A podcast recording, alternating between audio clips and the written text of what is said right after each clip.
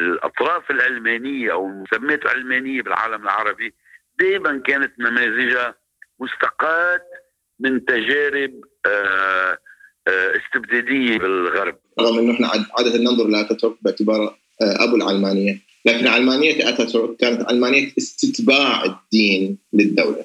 يجب أن تكون الدولة محايدة تجاه الدين لأن الدين بما هو خبر نزل من السماء يتناقض مع مقولة أن الناس بما هم بشر يعرفون ويدركون الحق والخير والجمال. في الحوار الدائر بين الإسلاميين والعلمانيين كثيرا ما يتم تداول تجارب عربية مثل تونس البرقيبية ولبنان ومصر الناصرية خاصة دول إقليمية مجاورة مثل تركيا كتجارب تعايش فيها بين الدين والعلمانية أو استطاعت تجاوز الحالة الدينية نحو دولة ومجتمع معلمن بعض الإسلاميين أو حركات الإسلام السياسي تطرح تجربة تركيا مثلا على تقبلهم للديمقراطية أو على التعايش مع العلمنة. وفي المقابل يتم تناول دولة كإيران كتجربة ديمقراطية في ظل حكم رجال الدين ومرجعيات دينية. على كل كيف يمكن وصف هذه التجارب وتطورها؟ وهل هي حقا تجارب مميزة وفريدة ويشكل بعضها نماذجا؟ قد تكون مثلا لما قد تفضي إليه دول المنطقة. أم أن هذه التجارب بقيت محكومة بمحددات كثيرة جدا. أفضت في النهاية إلى الواقع الذي نرى. تونس إلى ثورة تركيا إلى مزيد من التسلط إيران إلى مزيد من الثيوقراطية والتوسع. أين يكمن الخلل في هذه التجارب؟ في الدين أم في القائمين عليها؟ أم في شيء آخر. تستمعون إلى الحلقة التاسعة من سلسلة حوارات في العلمانية والدين والديمقراطية والجدل الدائر حول إمكانية تطبيق العلمانية في العالم وتأتيكم عبر منصة صوت. أعد المحاور وأدار النقاش إبراهيم غرايبة ومحمد عمر. إعداد إذاعي سوسن زايدة ومحمد حجازي. ينكر الباحث والكاتب اللبناني حازم صاغية على أغلب هذه الدول علمانيتها فهو يربط بين العلمانية والتحرر وبالنسبة له لا تعرف العلمانية بضدها. العلمانية من آه، من مثل أي مفهوم لا تعرف سلبا. يعني مش العلمانية إنك تكون سياسي أو سياسي العلمانية إنك تكون مع شيء مع يعني مع الحرية مع التقدم مع التفكير مع حرية التعبير آه، مع إنك تزيح كابوس القوى المانعة والشالة للتفكير وللمبادرة. آه لما بتصير تعريف العلمانية تعريف سلبي يعني مثلا شيء مثل الحزب القومي السوري المشهور يسمى حزب علماني طيب آه هيدا الحزب إذا بتقرأ مثلا أنطون سعادي الإسلام في رسالة بيطلع إنه آه آه آه في موقف أنتي بعض الإسلام هو بيسوغ له كلمة علمانية. وحين يصل إلى اليهود فبياخذ من المو... من اليهود موقف قطع شامل كلي بياخذهم كلهم ككتلة وحدة وبيدينهم ويضعهم خارج حياة الأمة. كما يسميها.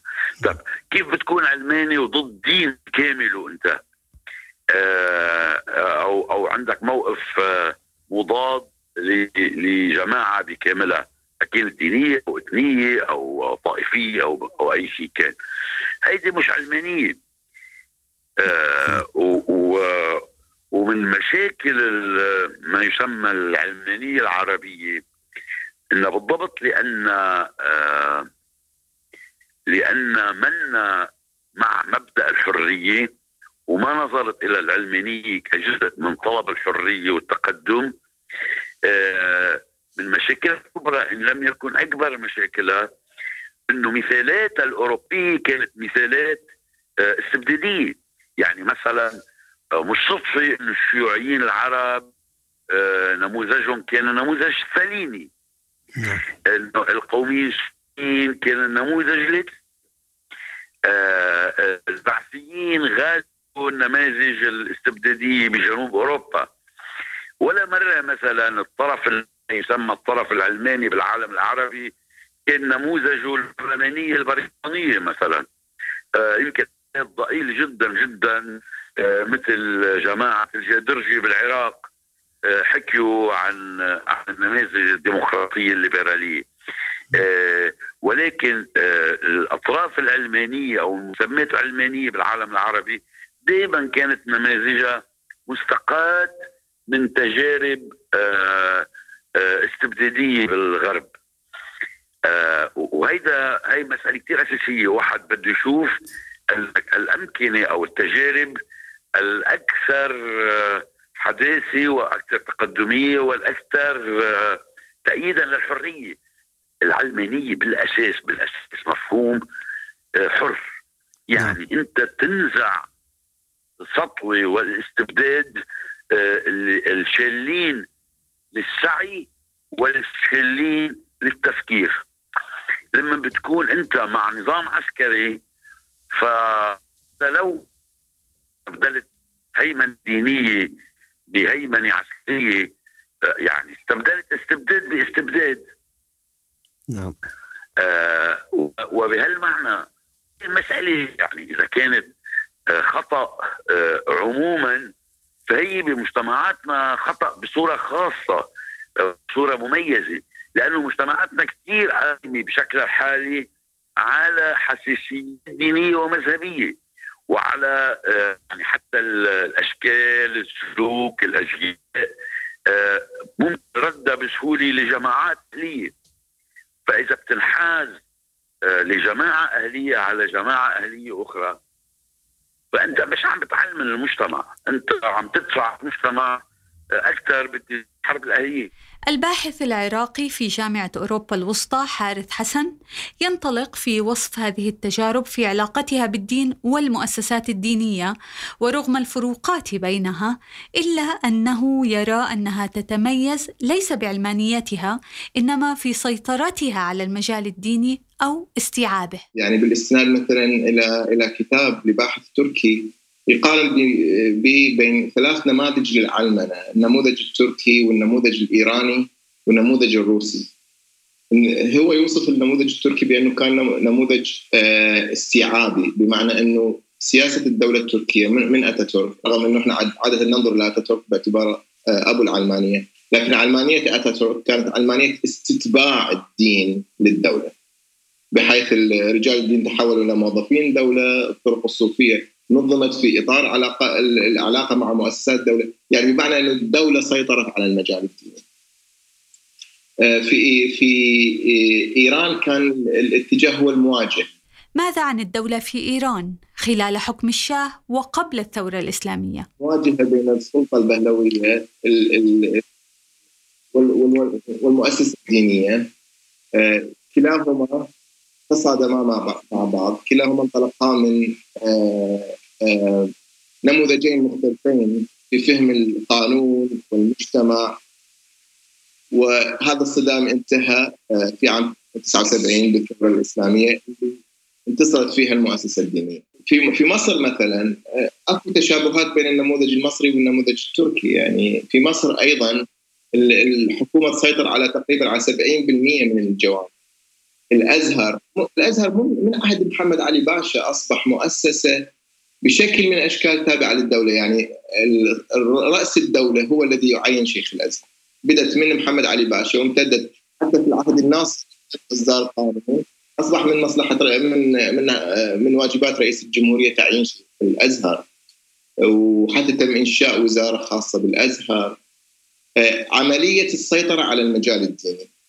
يعني مو عملية اجتثاث الدين أو إزالته ولا عملية الاصطدام به لكن عملية إدارة الدين. ذكرت إنه في العراق حدث آه، نوع من التجاور بين النموذجين التركي والإيراني. في تعامل يعني أنا أحكي عن المرحله التاريخيه تحديدا. ماذا عن العراق؟ بأي نموذج اقتدت خاصة عراق ما بعد الاحتلال الأمريكي عام 2003 1921 إلى عام 2003 كان هناك نوع من التمازج بين النموذج التركي والنموذج الإيراني بمعنى أنه المؤسسات الدينية السنية تم بشكل من اشكال استتباعها للدولة والمؤسسة الشيعية ظلت في علاقة عدم توافق مع الدولة آه، وأحيانا مواجهة طبعا آه، هذا بنوع من التبسيط هناك تفاصيل كثيرة يعني يمكن ما يسمح المجال للدخول بها تونس يعني أعتقد أنه هي تدخل أكثر في مجال آه، في في في مساحة بين النموذج التركي والنموذج الروسي. يعني أنا ما درست تونس بالتفصيل بس أعتقد هي في مكان ما بين النموذجين. وكل نموذج من هذه النماذج طبعا يطرح أزماته ويطرح إشكالياته الخاصة. إحنا في منطقتنا مشكلة إنه محاولة الدولة السيطرة على المجال الديني من أجل توظيف هذا المجال لمصلحتها اولا بشكل من الاشكال هو آه، وضع علامات تساؤل على كونها دولة علمانية لأن الدولة بهذه الحالة انحازت يعني في في كل دساتيرنا تقريبا أغلب الدساتير العربية يقال أن الإسلام هو دين الدولة وأن الإسلام هو مصدر أساسي للتشريع. بمعنى أن الدولة هنا غير محايدة دينيا أو مذهبيا. عندما تذهب الدولة إلى حد استخدام المؤسسات الدينية كإحدى أدوات فرض الضبط الاجتماعي والسيطرة الاجتماعية والتعبئة وأيضا إضفاء الشرعية على نفسها هذا بمعنى أن الدولة تخطط إلى مرحلة أبعد أنه أنه هي ليست دولة علمانية بالمعنى الصافي.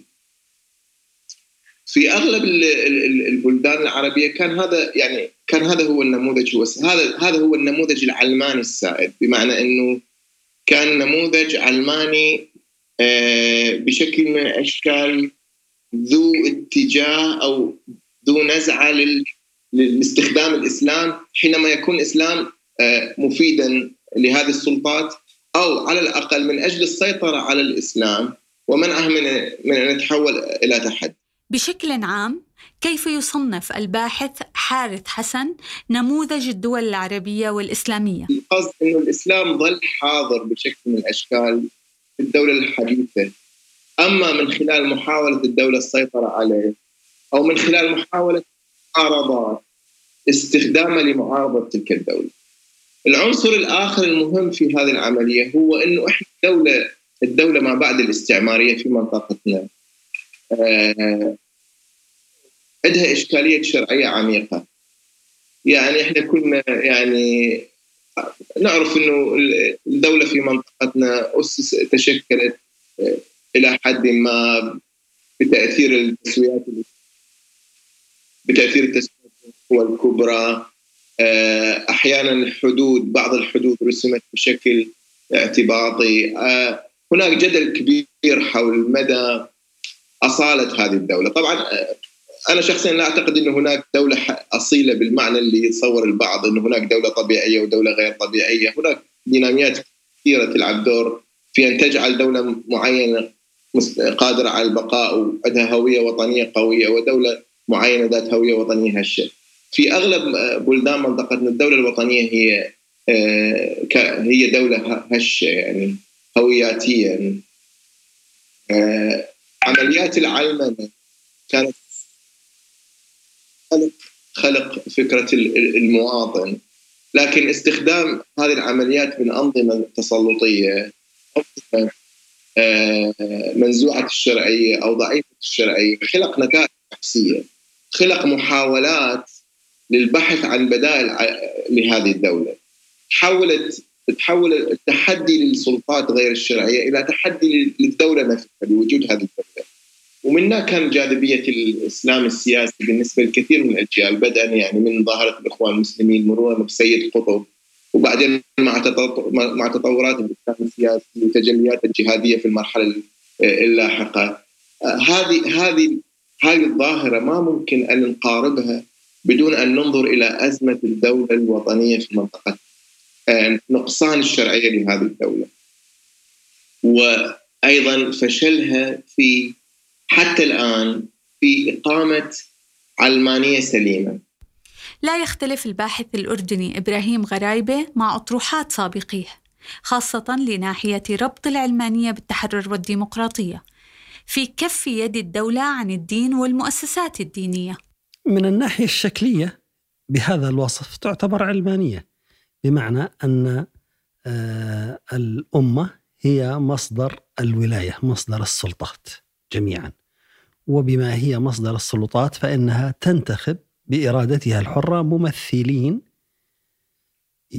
ينظمون التشريعات ويديرون مواردها وأفكارها بما يعتقدون أو بما يعتقد أنه يمثل إرادة الأمة، إرادة الأمة فقط بما هم آه، جميع أفرادها وجميع مواطنيها متساوين. في الناحية النظرية هذا صحيح يبدو صحيحا أنها تطبيق علماني. لكن في تطبيقات أخرى كثيرة تتناقض مع هذا الفهم. آه، آه، عندما عندما يكون جميع الناس متساوون وجميع الناس مؤهلين لأن يعرفوا الحق والخير والجمال الذي ينظم حياتهم وشؤونهم. لا يجوز لا يجوز وفق هذا التعريف أن يكون للدولة أي دور ديني لأن هذا يتناقض مع مفهوم ولاية الأمة ومساواة الناس جميعا. يجب أن تكون الدولة محايدة تجاه الدين لأن الدين بما هو خبر نزل من السماء يتناقض مع مقولة أن الناس بما هم بشر يعرفون ويدركون الحق والخير والجمال. ثانيا يتناقض مع تعدد الأديان لأن المساواة التي تتحدث عنها العلمانية يعني عدم التمييز الإيجابي أو السلبي لأي مواطن على أساس الدين. فيجب أن تكون الأديان حرة حرية تامة للمواطنين أن يعتنقوا أو لا يعتنقوا من الأديان أن يكونوا يتبعوا من الأديان ما يلائم ضميرهم أو يكونوا ملحدين أو لا أدريين. ما يعني بالضرورة أن الدولة يجب أن تكون محايدة تماما تجاه هذه التعددية والحرية في الأديان والاعتقادات وأن تجعل الناس أحرارا في التفكير والاعتقاد وفي اختيار شأنهم. أنه التعليم وفق هذا المفهوم يجب أن يكون قائما على الحرية والتفكير النقدي ولا يمكن أن تعلم الدولة يقينيات للطلاب ثم تطلب منهم أن يكونوا أحرارا ونقديين يفكرون ويقررون ما يعتقدون أنهم هم كبشر يدركونه أو يعرفونه. تعددت النماذج العلمانية أو الديمقراطية في المنطقة من إيران إلى تركيا وتونس وخاصة في عهد الحبيب بورقيبة إلى مصر خاصة في عهد الرئيس الأسبق جمال عبد الناصر. إلى لبنان. هذه التجارب كانت متفردة وإشكالية في نفس الوقت. ففي إيران يتم تقديم ديمقراطية بمرجعية دينية أحيانا تكون متشددة. وفي تركيا كما في تونس أدت العلمنة إلى ظهور قوي للتيار الديني. فأين يكمن الخلل؟ لقد وقع حسب محاورينا في أن كل هذه النماذج إما سيطرت على الدين وعلى المؤسسة الدينية أو حاولت استيعابها. الأمر الذي أبقى علمانية هذه الدول ناقصة وسمح بعودة قوية للدين إلى الحياة السياسية. تتابعون في الحلقة العاشرة والأخيرة. من سلسلة حوارات في الدين والعلمانية والديمقراطية مراجعة شاملة لكل محاورنا.